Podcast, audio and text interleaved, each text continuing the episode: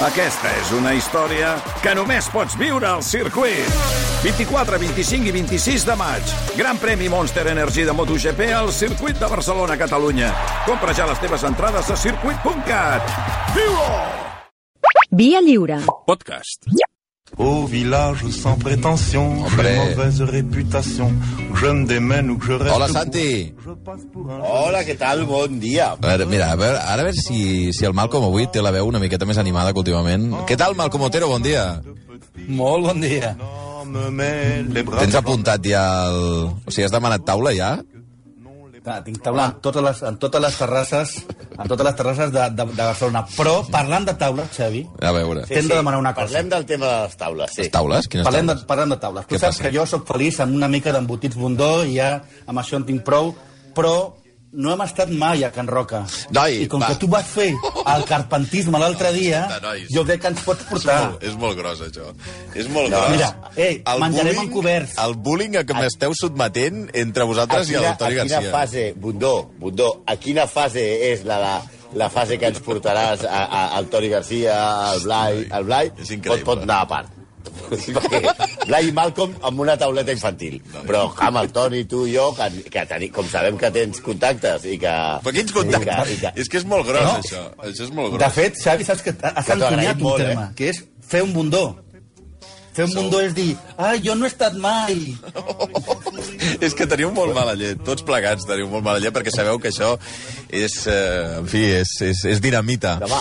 Perquè, Després, bueno, després ho torno a la explicar... Plorera, la plorera en directe que li vas fer a, a, a, a, a la feina de Can Roca la setmana passada, vam pensar, mira que majo que ara, per, per, per, per compensar-nos aquest esforç del confinament, ens portarà a Can Roca a tots. Molt bé, doncs t'ho agraïm molt. No, a veure, torno a explicar per als oients que no van sentir la setmana passada i ara sentin campanes. La setmana passada vam entrevistar el xef del, del celler de Can Roca, el Joan Roca. I... Eh, On no hem estat mai. no, no ja, ho, ja ho entenc. Eh, sospito que potser algun de vosaltres sí, però vaja, si em dieu que no, no, eh? I per dues ocasions el Joan Roca en antena va dir bueno, tu ja ho coneixes això, tu ja ho coneixes, aquí hi ha això i les taules són així i, i vaig dir, mm, ho sento però no el conec. No va, no va sortir de mi, va ser una rèplica a unes afirmacions que creia que... De, de fet, denostaven el contrari, que com que jo estic acostumat i que hi vaig allà cada dos per tres i no, no hi he anat mai.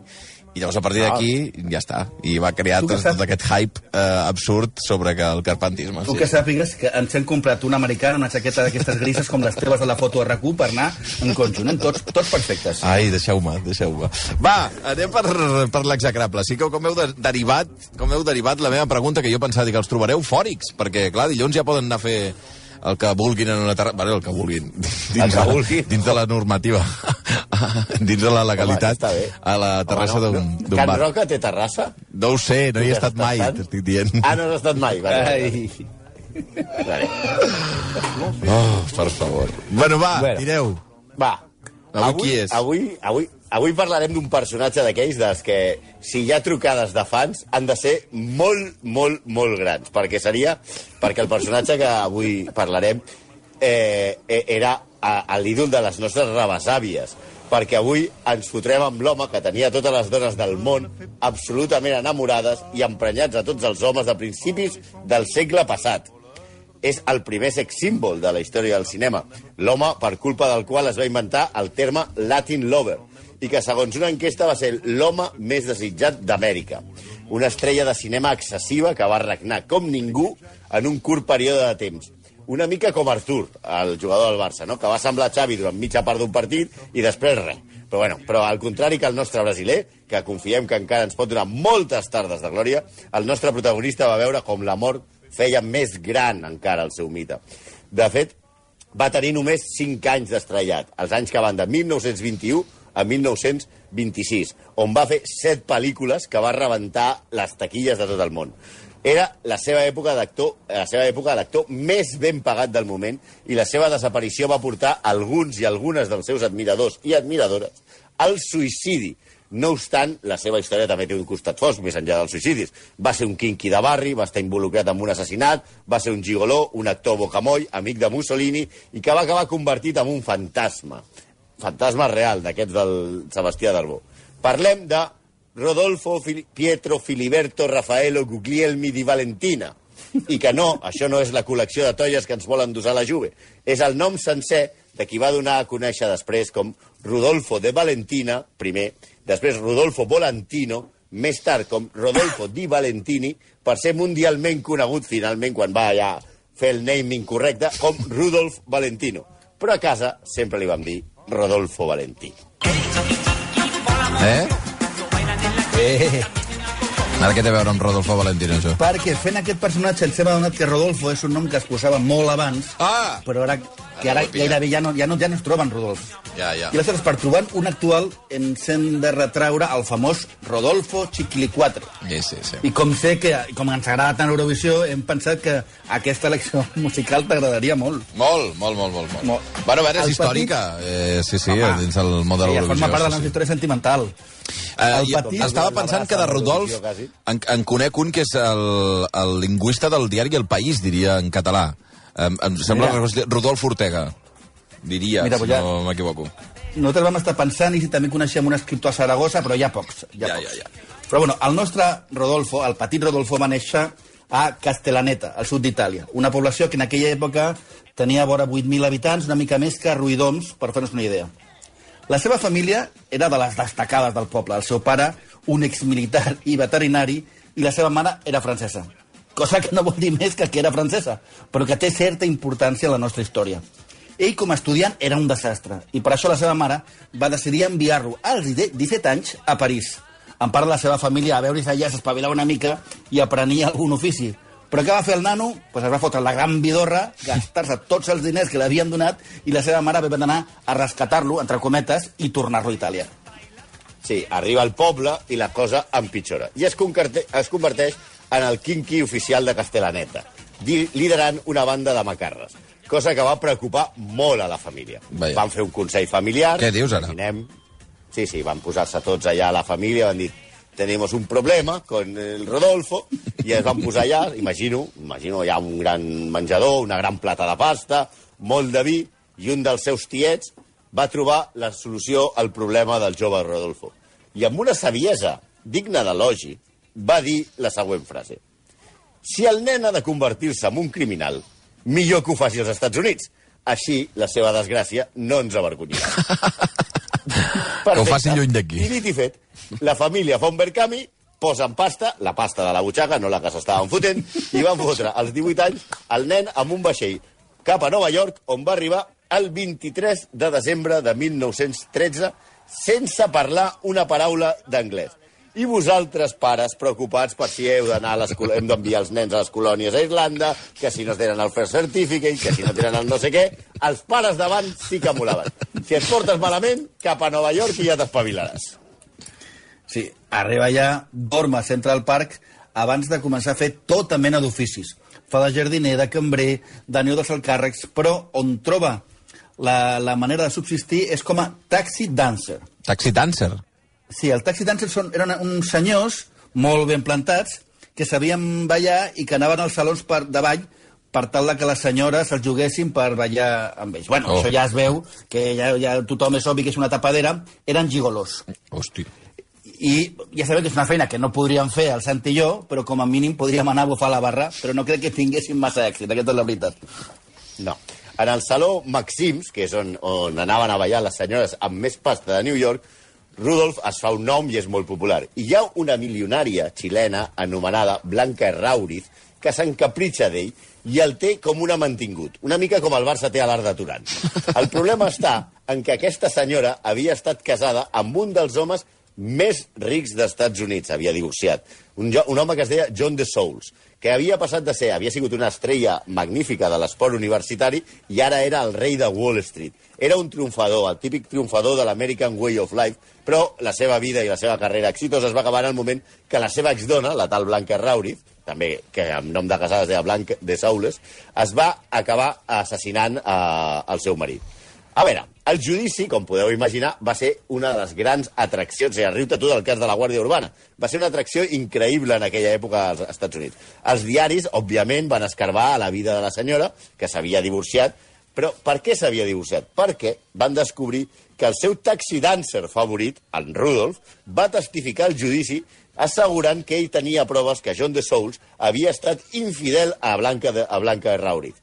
Per tant, eh, van donar-li el, el divorci. A més a més, després la premsa va seguir tirant del fil i va començar a sospitar que un jove italià molt ben plantat i amic de la senyora podria estar involucrat en aquest assassinat. Ai. Sí, veient com, com, es posen la, com es posaven les coses, Rudolf Guglielmi va decidir que potser era, fer, el, el, el millor era fer més cas encara al seu tiet i va optar per fer les maletes i fer un Go West de manual i, de, i va decidir marxar a Hollywood. I de pas, per si es complicaven les coses, va decidir canviar-se el nom i va passar a dir-se Rodolfo di Valentina i les seves variacions, que acabarien en Rudolf Valentino, en Rodolfo Valentino. Hoy te visto con tus libros caminando y tu carita de coqueta. Aquesta cançó, tècnicament, no té cap altre motiu que el que la canta és... Eh, no sé si us hem dit que Rodolfo ja no s'estila, però és un altre Rodolfo que ens ha alegrat les tardes. És Rodolfo i su típica, cantant eh? una cançó que és un altre himne a la pederàstia i a l'assetjament sexual. Ja- que no, tots, tots la ballàvem tan tranquil·lament. Mm -hmm. Colegiala, un, un viejo verde assetjant una col·legiala quan surt del col·legi. Però a veure, és igual. Tornem al nostre Rodolf. El tenim ara a la costa oest dels Estats Units, fugint dels problemes que podia tenir amb l'assassinat de The Souls.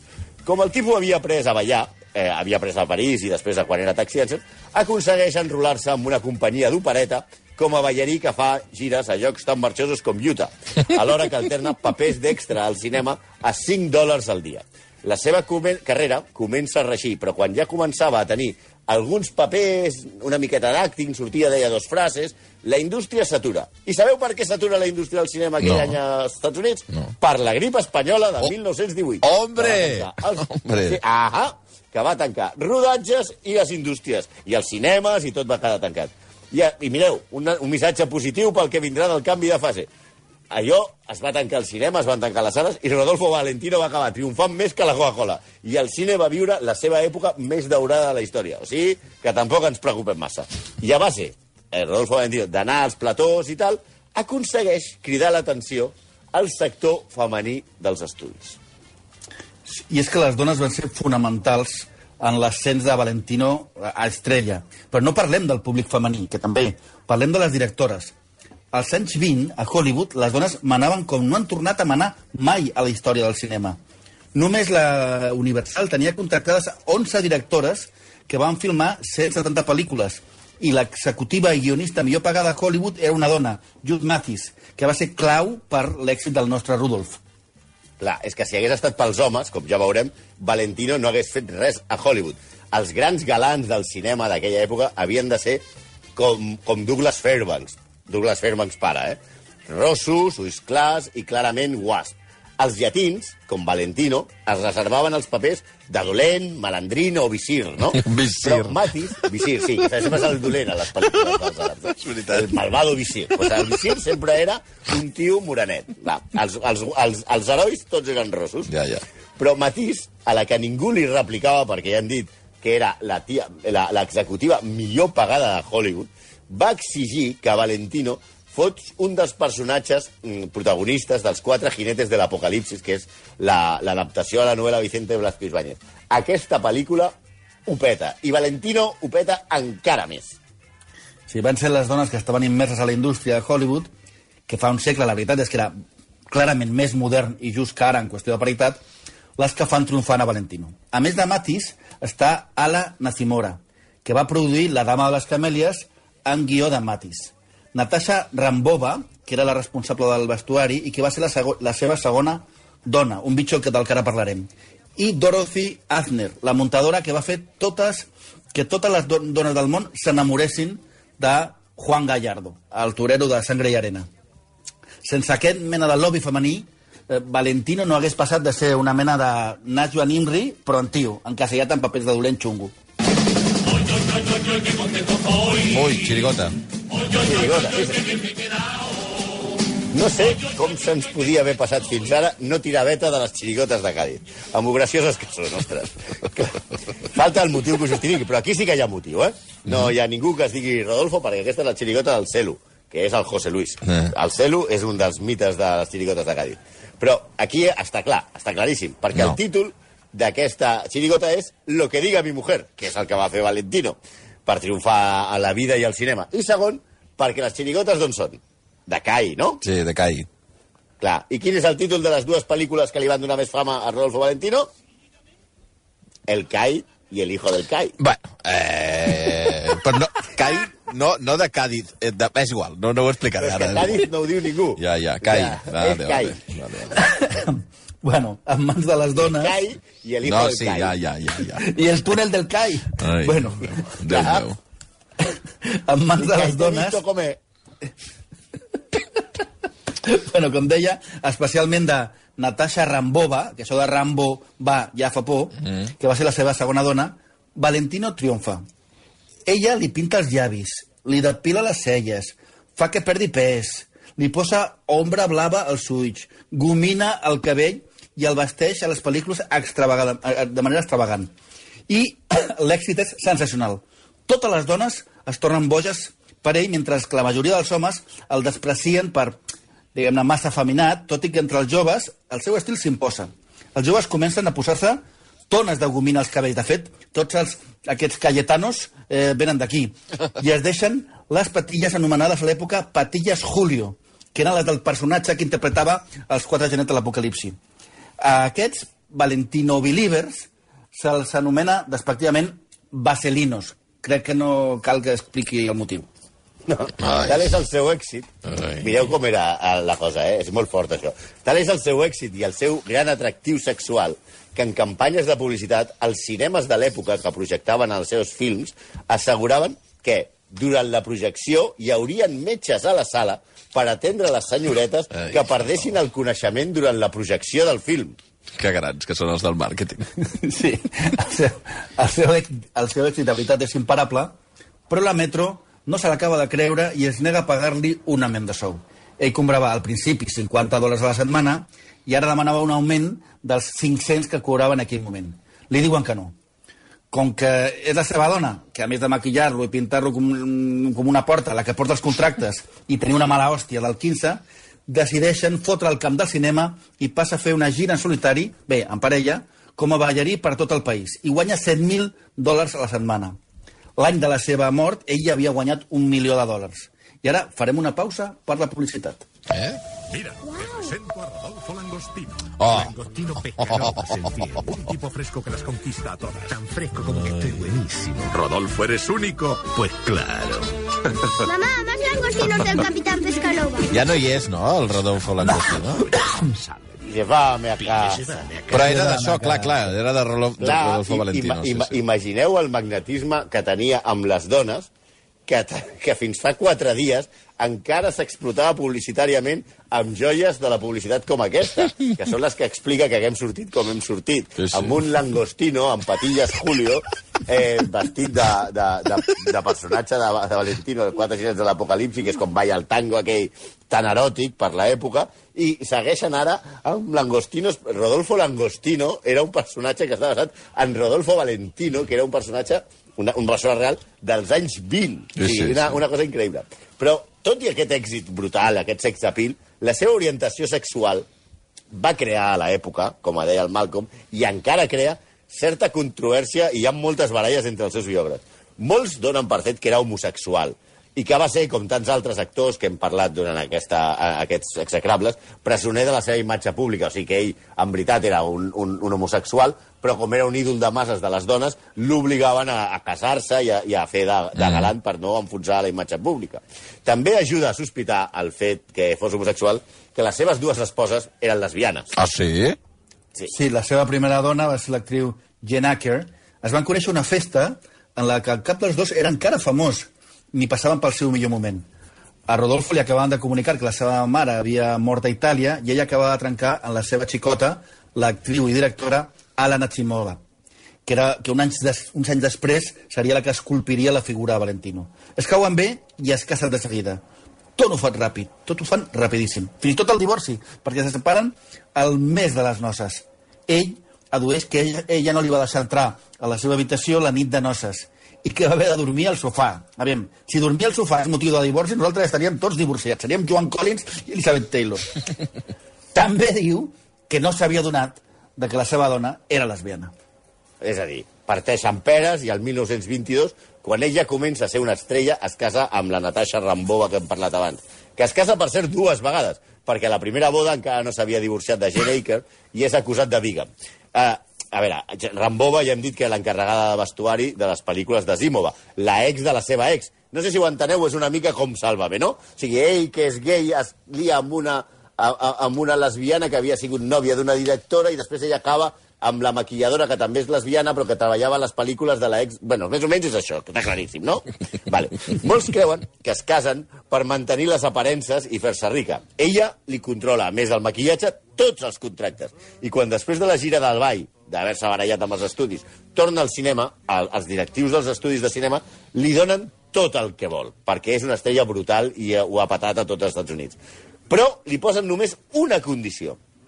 Exigeixen que Rambova no pot apropar-se a ell ni ser mai la seva representant. Carai. No poden estar per contracte ni al set de rodatge, ni, en el, ni compartir espai, perquè es veu que la senyora aquesta era un drama i un corró per tots els, els directors que hi havia, no? Ell, que pensava que no, accepta. I què passa? Pues que la seva dona, Rambova, s'empipa com un mico i acaben odiant-se. S'odien tant, al final, acaba tan malament la seva relació, que en el seu testament, Rodolfo Valentino va deixar una pensió vitalícia a Jane Aker, amb la que va estar casat només un mes. I a Rambova li va deixar un dòlar per humiliar-la des- fins i tot després de mort. Que bèstia. Sí, aquestes dues bodes van inflar molt la sospita de que era homosexual. Ell ho negava, i fins i tot quan, en una crítica a la pel·lícula Monsieur Booker, del, un columnista del Chicago Tribune, va escriure, obro cita, per què no ofeguem el senyor Guglielmi, alias Valentino, quan encara hi som a temps? Aquest tipus tubet, despullat de cintura cap amunt, amb gest afeminat, rostre pàl·lid empastifat de delicats maquillatges, que balla tangos, es vesteix de torero amb aires de model d'alta costura, és un insult a la virilitat americana. Pues, quan escriu això, ell el repta a un combat de boxa per demostrar la seva virilitat. Sí, en fi, més enllà d'aquesta demostració d'orangutaneria per part del columnista i per part de Valentino de venga aquí que te voy a dar de hòsties, sí que semblava, sí que sembla, vamos, que Valentino va estar embolicat amb homes. Especialment amb un periodista francès anomenat André Davin, que segons el llibre de David Brett, Valentino, A Dream of Desire, el senyala com el gran amor real de la seva vida. Sí, a més de Daven, se'l va relacionar amb altres homes i especialment amb un altre actor que era el seu amigoti, amigote de l'ànima, no? Era, parlem del mexicà José Ramón Gil Samaniego, conegut a Hollywood com Ramon Novarro, i que va ser el primer Benú, la versió que, la versió que tu, com tots els que aneu al, al, al celler de Can Roca, heu Ja vist, som, Xavi. ja hi som.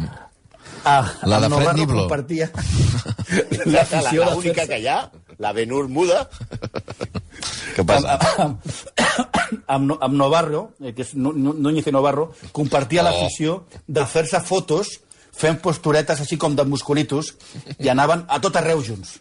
A veure, ara un avís, eh? Atenció, si teniu... Envieu els nens a pintar, que ve la part marrana, eh? No.